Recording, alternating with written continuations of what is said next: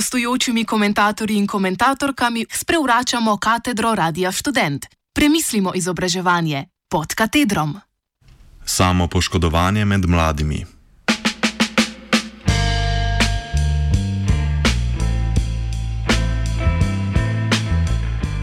Današnji komentar za oddajo pod katedrom je na temo samopoškodovanja pri mladih podala psihoterapeutka in psihologinja Katja Z. Istenič.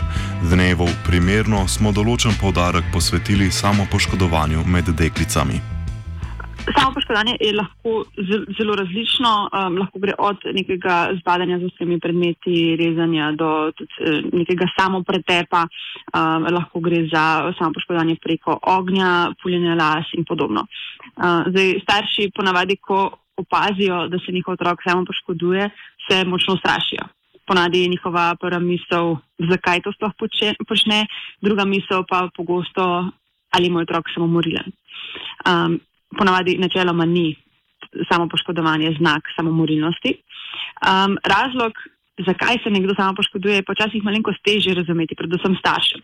Namreč veliko staršev meni, da se otrok samo poškoduje, ker išče pozornost, vendar to v večini ne drži.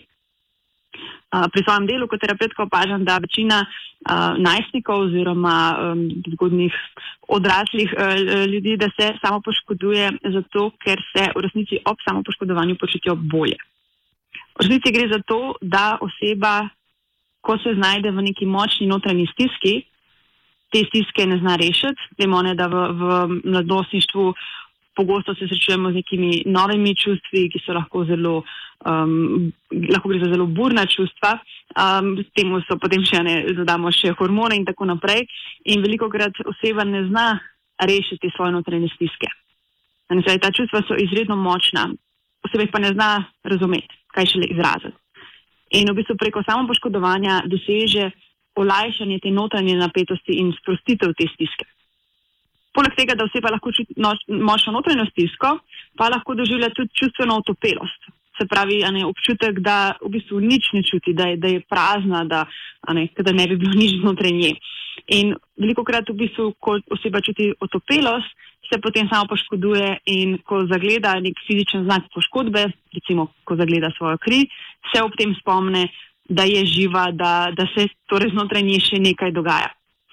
Uh, in veliko krat v bistvu oseba potem po neki epizodi samopoškodovanja ima neko obdobje miru, lahko je to zdaj par dni, lahko je to par tednov, um, lahko je samo par minut. In um, se v bistvu, na, v bistvu samo, spošto, samo poškodovanje strategija, s katero se oseba počuti bolje. Um, in to je včasih staršem težko razumeti, posebej, če nimajo sami kakšne izkušnje samo poškodovanja, uh, ponavadi želijo, da bi najstnik oziroma mladostnik samo nehal se samo poškodovati v, po mojih izkušnjah pa v večini primerov uh, oseba noče nehati samo poškodovanjem, ker v tem vidi neko rešitev. Uh, tako da, ne, kaj se potem, kakšen je potem postopek uh, v bistvu dela z nekom, ki, ki ima uh, težave samo poškodovanjem, je, da v bistvu najdemo drug način do podobnega rezultata. Se pravi, Ne, samo poškodovanje ni dober način, da se počutimo dobro, je pa ta želja, da bi se počutili dobro, naravna in ok. Tako da, ne, pač, ko, ko delam uh, s posamezniki, ki se samo poškodujejo, je naš glaven fokus, da najdemo en drug način, da pride oseba do te notranje pomiritve in, in sprostitve uh, napetih in močnih čustev. Iste nič deli svoje delovne izkušnje po mojih izkušnjah kot terapeutka, v večji meri se samo poškodujejo punce.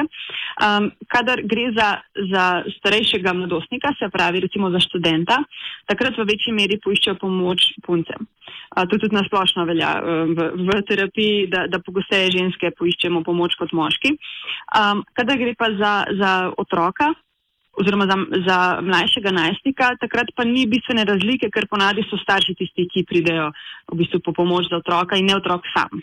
Ne, ponadi otrok v bistvu uh, skriva to, da se samo poškoduje in, in v resnici niti noče neke rešitve, ker v bistvu smatra, da samo poškodovanje je rešitev na, na njegov problem notranjih stisk.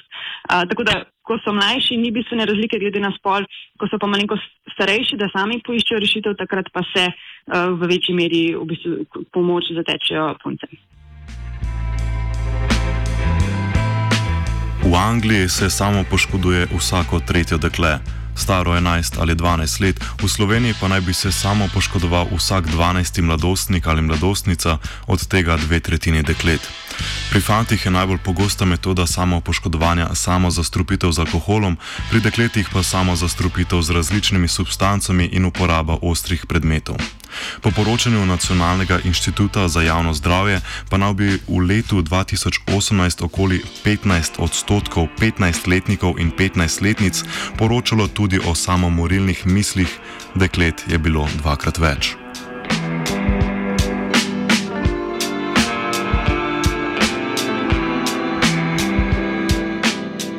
Na samo poškodovanje lahko vpliva tudi širše družbeno okolje. Imela sem že v obeh situacij, uh, se pravi, imela sem že primere, uh, kjer v bistvu je bilo samo poškodovanje vezano direktno na posameznika, kjer uh, posameznik ni imel izkušenj, da bi v bistvu vedel, za koga drugega, ki bi se samo poškodoval in je v bistvu do tega prišel čisto v bistvu slučajno. Um, imela sem pa tudi že izkušnje, kjer v bistvu je bilo prav v nekem razredu, kjer se je več Eh, predvsem deklet, samo poškodovalo. In, in so tudi potem starši odkrili, da so se preko Facebooka pogovarjali uh, o tem um, in v bistvu na nek način spodbujali ena druga. Tako da vpliv vrstnikov um, oziroma tudi, tudi širši družbeni vpliv, um, tudi mediji in tako naprej. Ne, ta vpliv je, je pomemben in ga ni za zanemariti, um, ni za to glavni vzrok, uh, je pa lahko pač ja, nek doprinos k temu, da se oseba zateče k samopoškodovanju. V Sloveniji bi na področju izobraževanja terapeutk in strokovnjakov še morali napredovati.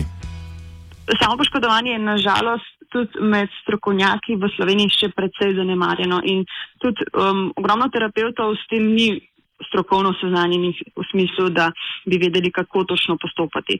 A, tako da, recimo, če ugotovite, da če nekdo ugotovi, da se njegov najstnik oziroma otrok samo poškoduje, oziroma če se mogoče nekdo sam pri sebi zaveda, da se samo poškoduje, a, potem je pomembno, da, prever, da preverimo, ali je oseba nek strokovnjak, nek terapeut ali ima izkušnje z samo poškodovanjem.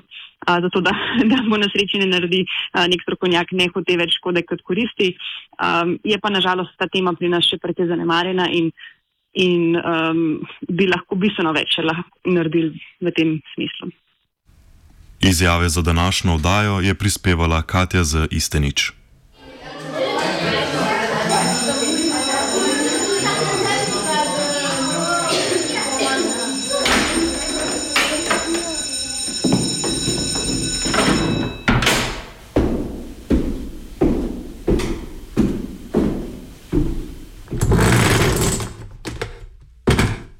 Gostujočimi komentatorji in komentatorkami sprevračamo katedro Radia Student. Premislimo izobraževanje pod katedrom.